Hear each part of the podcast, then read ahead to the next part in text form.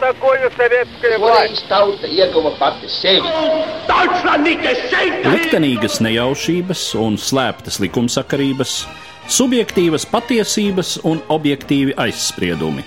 Pēc atkušņa nekad nenāk uzreiz pavasars, bet sākās Arī šodien cilvēki ir ļoti tūredzīgi. Viņi redz to naudu, kas ir. Televīzijā jau pamatā notiek cīņa par varu. Pagātne no šodienas skatu punkta un šodienas caur pagātnes prizmu. Raidījumā šīs dienas acīm. Latvijas radio eterā Eduards Liniņš. Labdien, cienījamie klausītāji! Slavenākie vēsturē zināmākie ir nevis tie kuģi, kas veiksmīgi savu mūžu ir kalpojuši un uh, daudz pasažieru laimīgi nogādājuši. Slavenākie ir tie, kas ir nelaimīgā kārtā nonākuši jūras dzelzmē, aizraujot līdzi simtiem reizēm pat tūkstošiem dzīvību. Un slavenākais starp visiem, nepārprotami, tvaikonis Titaniks, kurš iet bojā sadursmē ar aizbergu Atlantijas ziemeļdaļā 1912. gada 15. aprīlī. Mans sarunbiedrs studijā Rīgas vēstures un kuģniecības muzeja pētnieks Andris Cekuls. Labdien! Labdien! Titaniks visnotaļ iespaidīgs kuģis, tāds interesants fakts, ka četri dūmeņi, no kuriem ceturtais tiek uzstādīts tāpēc, lai izskatītos vēl iespaidīgāk. Jā, es gribētu papildināt vēl Liniņa kungs vienu lietu. Tas tā no dzīves. Jūs te minējāt, ka vairāk ir pazīstami kuģi, kas ir nogrimuši, nevis kā tie, kas vēl sekmīgi kuģo pa pasaules jūrām un okeāniem. Tad no manas eh, ikdienas dzīves un darba prakses tāds gadījums, un neviens vien. Ir tā, ka mans darba kabinets atrodas blakus mūsu Latvijas kuģniecības vēstures nodaļas zālēm, un tad tur ieskrien kārtējā skolēnu grupa pat sākumā neapzināmies, kas šeit ir un pa ko stāstīs pirmais jautājums - kur ir Titaniks? Protams, Titaniks, kurš tika būvēts jau no 1909. gada 31. marta, un korpus tika pabeigts faktiski tikai pēc diviem gadiem. Tātad 1911. gada 31. maijā, bet pilnībā visa kuģa virsbūve tika pabeigta 1912. gada 31. martā, un savā laikā tas bija lielākais pasažieru tvaikonis pasaulē. Jā, viņam bija četri dūmeņi, kāds 19 metru augsts. Jāsaka, tas dekoratīvais dūmenis kalpoja arī ventilācijai. Un uzņemt viņš varēja kopumā 3547 pasažierus. Pirmā braucienā gan brauca krietni mazāk, 2223, no kuriem bojā gāja 1500 cilvēku. Tātad uz to laiku, un arī tagad tā ir vislielākā katastrofa kuģniecības vēsturē. Miera laikā. Jā, miera laikā, jā, protams. Jā. Neskaitot kuģus, kurus mm. ir lielākoties zemūdens nogremdējušas abos pasaules karos. Ja mēs raksturotu Titaniku uz tā laika vispārējās kuģošanas tehnikas fona, nu kādi ir tie kuģi, kas tajā laikā peld pasaules jūrās, un uh, Titaniks, ja jau tiek uzskatīts, ka tas ir sava laika zināmā mērā tehnikas brīnums, tad kas tur ir tik īpašs? Īpaši jau pirmām kārtām ir tie tehniskie parametri. Kuģa korpusa garums - 269 metri. Ja pat tagad lielākie tankuģi ir apmēram ap 470, 480 metru, tad iedomājieties, pirms simts gadiem jau uzcēla 269 metrus garu kuģa korpusu. Tas ir sasniegums. Iegrime ir 10,5 metri. Tātad kārtīgas piecstāvs, sešstāv mājas pat lielumā. Tā ir tikai tā daļa, kas ir zem ūdens. Jā, jā. Un tieši ar to 1912. gada 31. martu viņš krietni pārspēja visus pārējos pasažieru tvaikoņus, un viņam tiek piešķirta tā saucamā olimpika klase. Tātad vispārējais olimpiskais kuģis. Īpašnieks ir firma White Star Line, un pieraksta osta ir Liverpūle. Bet savu pirmo braucienu, un diemžēl arī pēdējo, viņš sāk no Southamptonas, Brauciens ilgst divas dienas un noslēdzās pie aizberga sāniem. Vajadzēja sacensties arī ar tā laika konkurējošo firmu kuģiem, kā Mauritānija un Luzitānija. Tie tehniskie parametri bija krietni mazāki. Arī pateicoties, kad izdevās divu gadu laikā šo kuģi pabeigt pilnībā, tur ir liels nopelns ASV miljonāram Morganam tajā laikā. Un faktiski liela daļa no Titanika pasažieriem bija arī tā laika planētas eh, bagātākie cilvēki. Tā tad ļoti prestižs, ļoti moderns. Droši vien tādam ikdienas cilvēkam Nu, ja mēs iedomājamies, salīdzinot Titaniku izmēros un varbūt eh, izskatā arī ar tiem kuģiem, kas tagad mēdz pietavoties tepat pie Rīgas Jā. pasažieru ostas, nu, apmēram tā proporciju līdzība.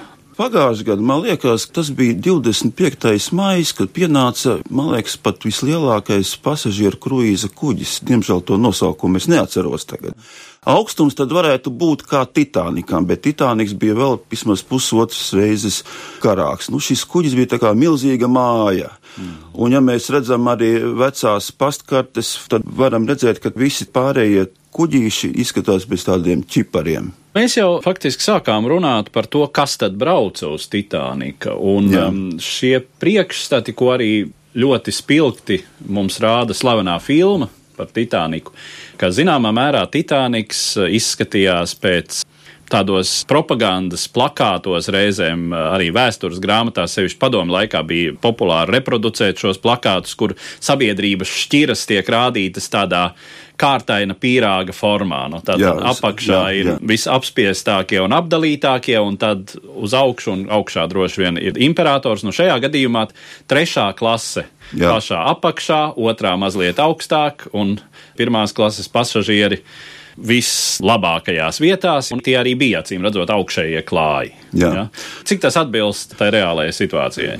Jums taisnība, trešā klase tur nu bija tie nabaga imigranti no Itālijas, no Īrijas, no nabadzīgajām Eiropas dienvidu zemēm, kuriem vienkārši nebija nauda, lai varētu samaksāt šo biļetes cenu, un viņi bija novietoti Trešajā klasē, tādās kā kabatiņās, kur nav ne iluminatoru, tikai tādas dzelzceļa kārbas, un viņiem bija atsevišķas izējas, kuras nešķērsoja pirmo klasi. Viņi nekādīgi nevarēja, ejot augšā, nokļūt pie pirmās klases, viņiem bija savs ejas. Un šeit arī slēpjas traģēdijas iemesls, ka vienkārši šie cilvēki tika atstāti likteņa varā. Dažos eh, literatūras avotos ir minēts, ka tik speciāli aizslēgtas durvis, lai viņi netiktu augšā, lai neradītu šo burzmu un paniku, jo līdz pēdējiem brīdim daudzi pat neticēja, ka kuģis var nogrimt. Un eh, pirmās laivas, kas tika nolaistas no Titanika, viņas faktiski nogāja lejā pustukšas. Laivā, kur var sēdēt 40 cilvēki, iesēdās 12, 15, protams, pirmās klases pasažieri. Vai tā ir taisnība par šo durvju noslēgšanu, man grūti spriest. Bet eh, es pilnīgi pieņemu, ka tas tā varētu būt tad, kad tika apjausts, ka, nu, ir kuģim beigas un sāksim glābt tos cilvēkus, kas ir samaksājuši vairāk. Un tikai tad, ja nu iznāks laiks, tad arī palaidīsim šo trešo klasi. Tā nu tas, diemžēl, laikam ir bijis. Cits starpā var pieminēt, ka dārgākā biļete uz Titaniku tajā brīdī maksāja nepilnus 5000 dolāru, kas tiem laikiem ir milzu summa, kas uh, atbilst, ja atmiņa man neviļ, apmēram 90 tūkstošiem jā, mūsu jā, laiku valūtā. Jā. Man ir ziņas par tā laika 3300 pirmajā klasē. Vidējā pirmā klasē. Nu, nu, jā, jā, jā, bet te ir tāda lieta, ka pirmo reizi uz šādiem kuģiem, un tas nebija iekļauts sākumā biļetes cenā, bija arī peldbaseins.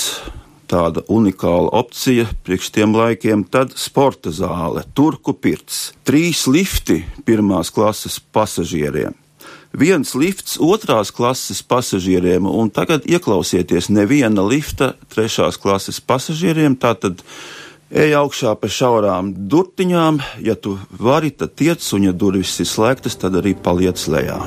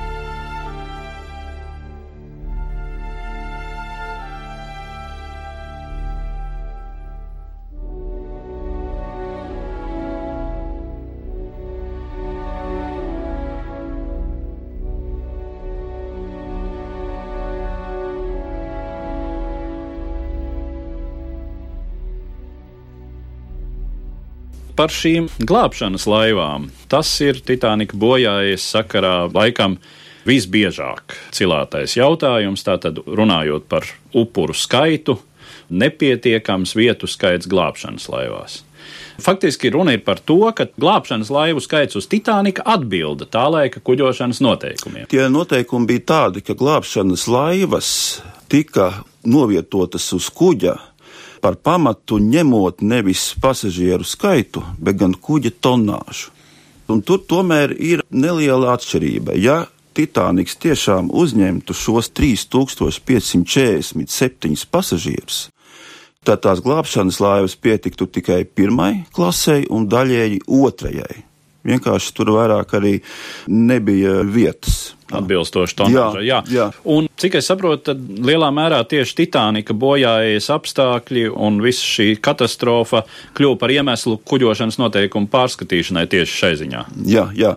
Redziet, te ir tāda lieta, es atradu literatūrā un arī internetā dažādas ziņas par to, vai bija iespējams izvairīties no šī aizberga kuģošanas noteikumi. Manuprāt, tur tomēr bija pirmām kārtām diezgan slikta redzamība.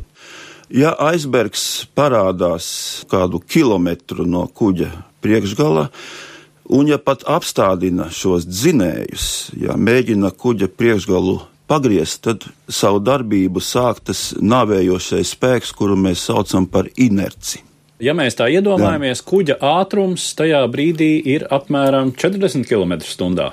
Ātrums ir 23 mezgli, Tas apmēram tā varētu būt. Jā, jā. 42 km. Apmēram. Katrs, kurš vada automašīnu, 40 km. Nu, tas taču ir jā. ļoti lēnām. Jā. jā, bet redziet, jūs pareiziniet ar to masu. Tomēr 46,328 tonnas. Un, ja mēs ņemam vērā vēl straumes, tur nevajag būt lielam ātrumam. Pie aizberga iespējams tas bija pat pāris kilometru stundā, bet tika iesista šī rieva tā lēš, ka viņa varētu būt uh, ap 100 metrus gara, kas ir pilnīgi pietiekami, lai kuģis lēnām nogrimtu. Runa faktiski ir par to, ka iespējams pat, ja Titaniks ar tādu ātrumu, kādā viņš tajā brīdī peldēja, ietriektos aizbergā tieši, Jā. varbūt pat paliktu uz ūdens. Jā, viņš paliktu uz ūdens, bet atkal ir tas, sauksim viņu par inerciju ka tomēr pasažieri gūtu dažādas fiziskas traumas, teiksim, tiktu triekti pret sienu un tā tālāk. Jā, tas tā varētu būt, jo faktiski uz Titanika tika izveidotas 16 ūdens noturošās starpsienas, kuras tika aizvērts tādu magnētisko bultu, un bija paredzēti tādi pieci bloki, kurus pat caursitot kuģis nenogrimst. Ūdens viņos paliek, tālāk tur neiet, bet diemžēl tika pārsits arī nākamais un vēl aiznākamais bloks, un tā vietā šis priekšgala sāns palika aizvien smagāks, un viņš ar priekšgalu sāka jau grimt lēnām lejā. Titanika bojājas apstākļi ir diezgan precīzi, jāsaka, arī atspoguļot zināmajā filmā, un laikam tā ir tā katastrofa, par kuru arī daudziem ir tas priekšstats, Jā. un tas ir diezgan adekvāts. Tātad glābšanas laivās nepietiek vietu, arī nav organizācija īpaši augstā līmenī. Droši vien jau tur ir tādas cilvēciskas pašpārliecinātības, zināmas bezrūpības faktors tajā visā. Es domāju, varbūt, ka vajag mazliet parunāt par to, kurš kuģis pirmais uztvēra to SOS signālu Karpātija, kurš atradās diezgan patālu 90 km attālumā, bet vienalga pēc trīs stundām viņš bija klāt. Un šis bojā gājušo cilvēku skaits arī nebūtu tik liels, bet vienkārši kā ir tas jēdziens hipotermija. Daudzi vienkārši neizturēja šo augstumu, ūdens temperatūra bija mīnus 2 grādi, kas ir vispār nāvējoši, un tur var izturēt apmēram 50 nu, minūtes ūdenī. Un otrais ir darba organizācija. Šīs glābšanas laivas, kā jau es teicu, pirmie iesēžās šie pirmās klases pasažieri, pustukšas laivas, nu, un pēc tam jau, kad cilvēki jūt, ka tā burzma ir liela, viņi jau paši no liela augstuma metoties ūdenī, tas ir apmēram tas pats kā krītot pret betonu. Skatoties uz izglābto un bojā gājušo proporciju, tur arī ir interesanti skaitļi. Piemēram, parādās tas, ka proporcionāli no Britiem ir vairāk bojā gājušo nekā no amerikāņiem, un hipotēze, ka Briti bija drusku citādāk audzināti un nebija tik gatavi ar elkoņiem izcīnīt ceļu līdz glābšanas laivām. Es te negribētu pieminēt katras nācijas īpatnības, bet eh, es domāju, ka katrā konkrētā kuģa vietā konflikta situācijas tur bija noteikti ļoti daudz, un te arī var būt kaut kādi kukuļdošanas jautājumi. Nu, filmā tur tā mākslinieciski aprakstīts, ka tur grib tikt iekšā, dod naudu un tā, bet kāpēc gan ne? Tā kā es te negribētu vainot gan angļus, gan amerikāņus, es domāju, ka tā vairāk bija sakritība. Ka šeit galvenais bija, cik tu tuvu atrodies klājam un cik tu tuvu atrodies tai glābšanas laivai. Vienu gan var teikt, ka uz jūras jau vairākus gadsimtus spēkā esošais princips sievietes un bērni vispirms tas visumā tika ievērots. Jā. Vismaz pirmajā un otrajā klasē tā proporcija liecina, ka lielākoties tiešām laivās ir pirmkārt ielaistas sievietes un bērni. Man šķiet zīmīgi vēl arī, ka izglābto vīriešu skaits ir vismazākais proporcionāli kopējam skaitam vismazākais tieši otrajā klasē. Proporcionāli no izdzīvojušajiem Otrās klases pasažieri izdzīvoja četras reizes retāk nekā pirmās klases vīriešu dzimuma pasažieri, un uh, trešās klases pasažieri divreiz retāk. Ka varētu būt tā, ka tieši otrajā klasē šie acīm redzot ģimeņu galvas un vispār vīrieši Viņiem nebija to priekšrocību, kas bija pirmās klases pasažieriem, Jā. bet varbūt arī viņu pienākuma apziņa bija lielāka nekā trešās klases pasažieriem. Nu, kas to zina, protams? Jā, jā, te mēs varam daudz minēt tādas spekulācijas. Var jau daudz ko teikt arī, ka nauda maitā cilvēku un pirmā klase gluži vienkārši labi sagatavojas, saģērbjas pat un lēnām iekāpj tādā pustukšā laivā, un tad viņas nolaiž lejā. Jo redziet, katru minūti tā stresa situācija pieauga. Un trešā klase, jā, nu, beigās bija situācijas tādas, kad arī daži tika augšā, bet tie bija tie, kas arī noleca no šī kuģa. Vēl viena lieta, es te tā meklējot, uh, dažādas ziņas par Titaniku, atradu vienu tādu faktu, ka kuģi nolaižot jau Southamptonā, kad viņš sāka doties savā braucienā, radās arī viena avārijas situācija. Titanika propelleru radītā turbulence ūdenī iešūpoja blakus esošo kuģi, laineri York, kurš pietuvojās Titanika bortam viena metra attālumā tā faktiski ir avārijas situācija, bet blakus bija velkoņi, kas paspēja šo kuģi atvilkt nost. Vai tā ir zīme vai nav zīme? Protams, grūti man teikt, bet nu, vienkārši tāds interesants fakts. Vēl ko es gribētu teikt, pēdējā laikā vispār arī tādā pašā interneta vidē un televīzijas kanālos ir ļoti daudz spekulāciju par to, ka Titanika bojā eja jau esot bijusi paredzama, ka tur esot bijis tas saucamais supermēnesis, kas ir radījis straumes un paisuma viļņus, līdz ar to aizbergs, kurš bija ceļā, viņam nemaz tur arī nevajadzēja būt. Nu, es interesi pēc to visu palasīju, bet man liekas, ka tomēr fakts ir viens, ka tas bija aizbergs, vai viņam vajadzēja būt vai nē, tas ir cits jautājums, bet tieši aizberga stāšanās ceļā bija galvenais cēlonis. Tātad tomēr dabas Jā. spēku radīta nelaime. Jā. Teiksim tā, drīzāk tā tomēr bija Fukushima, nevis Černobiļa. Jā, jā. Ja mēs vispār paskatāmies uz avāriju statistiku, uz kuģu bojājas statistiku tajos gados, kāda tā ir pasaules jūrās un vai tā atšķiras no mūsdienām? Šeit ir tādi zināmi uzplūdi un atplūdi. Ja mēs ņemam kopējo statistiku, tad faktiski viņa maz tur mainās. Ja mēs ņemsim pa atsevišķiem bīstamiem rajoniem, un ja vēl šajā rajonā ir spēcīgs taifūns vai tropiskā vētra vai arī ciklons, tad, protams, ja tajā gadā šīs dabas parādības ir vairāk, tad arī bojā gājušo kuģu saraksts ir krietni vien lielāks. Bet gribētu vēl minēt, ka tomēr mūsdienās, ja salīdzina, tad tās navigācijas iekārtas uz kuģiem tomēr dod savu artavu kuģa drošībā. Ja būtu mūsdienu kuģis tajā 1912.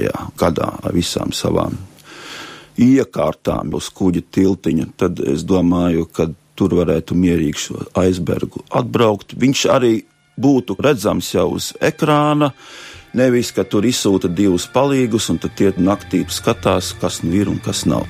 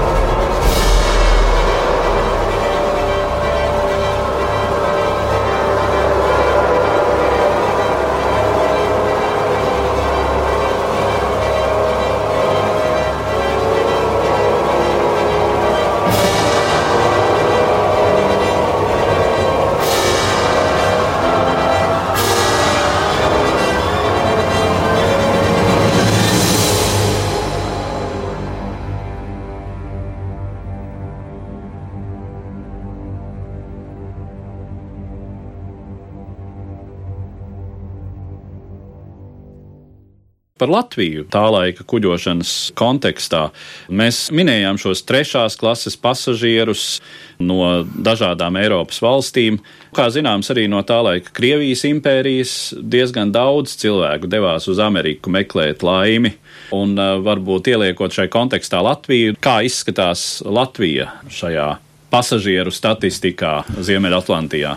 Tomēr nevar salīdzināt ar Eiropas, it sevišķi dienvidu nabadzīgajām zemēm. Te būtu skaits mērāms simtos. Tie nav tūkstoši, tāda vispār plaša emigrācija arī nebija. Tur vajadzēja finansu resursus un arī vietu, zināt, uz kurien tu dodies. Mēs atceramies, teiksim, Blaumaņa skroderdienās silmačos. Tēvs tā kā sagaida, ka Joske dosies Naha Amerika. Jā, jā. Bet uh, ir zināms, ka piemēram šajās dienās Viļņā notiek grāmatas Titanika lietuviešu prezentācija. Jo starp atrastiem priekšmetiem, kas ir izcelti no jūras dzelzmes, ir atrasts arī liecības par to, ka uz kuģi ir bijuši lietuvieši. Cik viņi bijuši ir, to es diemžēl jums nevaru tagad pateikt, bet lūk, šāda grāmata ir tapusi. Ja būs ziņas, un ja ar laiku dabūsim kādus faktus par latviešiem, sevišķi tādiem pazīstamiem, tad sāksim varbūt nelielu tādu rakstiņu par latviešiem, kas ir bijuši uz Titanika. Tā kā mūsu dienvidu kaimiņi pasteigušies priekšā, te es tā paskatījos, ka piemēram tāds pazīstams lietuviešu garīdznieks kā Jols Montvila ir devies ar Titaniku un vedis lietuviešu folkloristu savākto tautas dziesmu izdevumu. Diezgan neskartā veidā viņš ir izcels no jūras dzelmes, par to tiek šeit minēts, tā kā lūk, tāds fakts arī. Vai tur ir bijuši latvieši, tas, protams, ir jautājums. Jā. Mēs atkal pirmām kārtām runājot par lietuviešiem, teiksim, garīdznieks, kurš dodas droši vien uz Ameriku misijas darbā, Jā. vai kā Lietuvas kultūras pārstāvis turienes emigrantu vidēji, bet uh, pamatā jau lietuvieši, kas tur bija, droši vien bija šīs trešās klases pasažieri, kas devās uz Ameriku cerot uz labāku dzīvi. Jā, es gribētu pieminēt vēl vienu lietu, kā jau sākot no 20. gadsimta līdz pat mūsu dienām lielākā baltiešu diaspora ir tieši lietuvieši. Tad otrā vietā nākam mēs un Igauni, nu, kā skaitliski mazāka nācija, tie trešie. Tā kā tas vēsturiski jau gadus simt jau ir bijis šāda situācija. Lietuvā šie ekonomiskie apstākļi un salīdzinoši liels iedzīvotāju skaits, kuriem tur īsti nebija nodarbošanās, protams, tajā laikā pirmais migrācijas virziens labākas dzīves meklējumos tomēr bija uz austrumiem, tātad Sibīrijas plašumi, kur varēja atrast gan zemi, gan nodarbošanos, gan iztiku. Tā ir skaitā labi apmaksātos un diezgan prestižos darbos, kam bija attiecīga izglītība. Nu, to mēs labi zinām, ka katrā ziņā no latviešiem apmēram 10% tajā laikā dzīvoja ārpus Latvijas pārējā Krievijas impērijā. Lielākoties darīja diezgan prestižus vai nu ražošanas vadītāju vai ierēģu darbus. Bet, nu, laikam, cik tālu no Eiropā tādu iespēju īsti nebija, tad otrs virziens bija Amerikas jā, plašumi, jā. kur arī varēja atrast. Protams, tam vajadzēja drusku citu atvēzienu un uzņēmību, bet iespējams, jā, ka uz Titanika ir bijis arī kāds latvietis. Jā, un es vēl gribētu pieminēt sakarā ar mūsdienām. Droši vien, ka jau presē un masu mēdījos ir izplatīta ziņa, ka 31. martā Belfāstā tika atklāts Titanic House Visitor Center Tātad lūk, šis viesu centrs saistīts ar Titanika būvi. Cilvēks ieejot šī mājā atrodas tā kā Titanika būvlaukumā. Nu, es tā paskatījos, ka mūsu krīzes laikā izmaksas sniedzās 120 miljonus eiro. Bet tomēr galvenais ir tas morālais aspekts, ka šis kuģis un šī kuģa liktenis nav aizmirsts un ka šāds centrs tiek uzcelts tieši Titanika būves vietā. Tātad, ja kāds no klausītājiem esat Belfāstā, Ziemeļīrijā, vai arī tur dzīvojošie latvieši, tieši par imigrantiem mēs šeit runājam. Lūdzu, aiziet un paskatieties, tur tā informācija būs krietni vairāk, kā mēs te varam īsā laika sprīdī parunāt. Tas ir tāds zīmīgs moments, kur atgriežoties pie mūsu sarunas sākuma par to, ka tie slavenākie kuģi ir tie nogrimušie kuģi. Bet šie kuģi mēdz īpatnējā veidā augšām celties un kļūt jau par uh, turistu intereses objektu, par pamatu filmām, literatūrai un tā tālāk un tā tālāk. Un, uh, Par Titaniku jau nu tas ir pilnīgi skaidrs, ka šī kuģa vārds un šis kuģis kā tēls ir atstājis ļoti paliekamas pēdas, un arī jāsaka ar zināmu ironiju, bet nu pilnīgi noteikti arī ir ienesis, teiksim, vairāk pasaules ražošanas kopproduktā, ja mēs parēķinām, cik ir ienesusi filma, kases ienākumos, Jā. cik pelna dažādas citādas aktivitātes, un arī Titanika kvartāls Belfāstā, kur viņš ir būvēts, un tas arī ir pamatīgs komerciāls projekts ar pamatīgu komerciālu Jā. atvēzienu. Jā. Un tā tad uh, viss tas kopā, protams, krietni vien pārsniedz to, ko šis kuģis varēja nopelnīt, ja viņš mierīgi būtu peldējis pa Atlantijas okeāna ūdeņiem un laimīgi savu mūžu nokalpojis. Līdzīgus stāstus var stāstīt, nu, piemēram, par slaveno burinieku vāzu. Zviedrijā, kas, Jā. kas aizgāja bojā 17. gadsimtā. Un mums, piemēram, arī dziesmiņa pa kuģīti neibāde kas 20. Eh, gados tepat nogrima 3 km no vecāģu krasta. Tad ir arī folklorizējies. Nu, lūk, šādi kuģi kaut kā paliek cilvēku paudžu atmiņā. Protams, mēs varam nožēlot par tiem cilvēku upuriem un pieminēt viņus šai dienā ar skumjām un līdzjūtību pakaļpalicējiem, bet, ja runā par kuģi kā tādu, tad tā laikam ir zināma likumsakarība, ka atmiņā paliek pirmām kārtām tie nogrimušie kuģi. Ar to arī es gribētu noslēgt mūsu šodienas sarunu, kas bija veltīta pasaulē slavenākajam kuģim, tvaikonim Titaniks.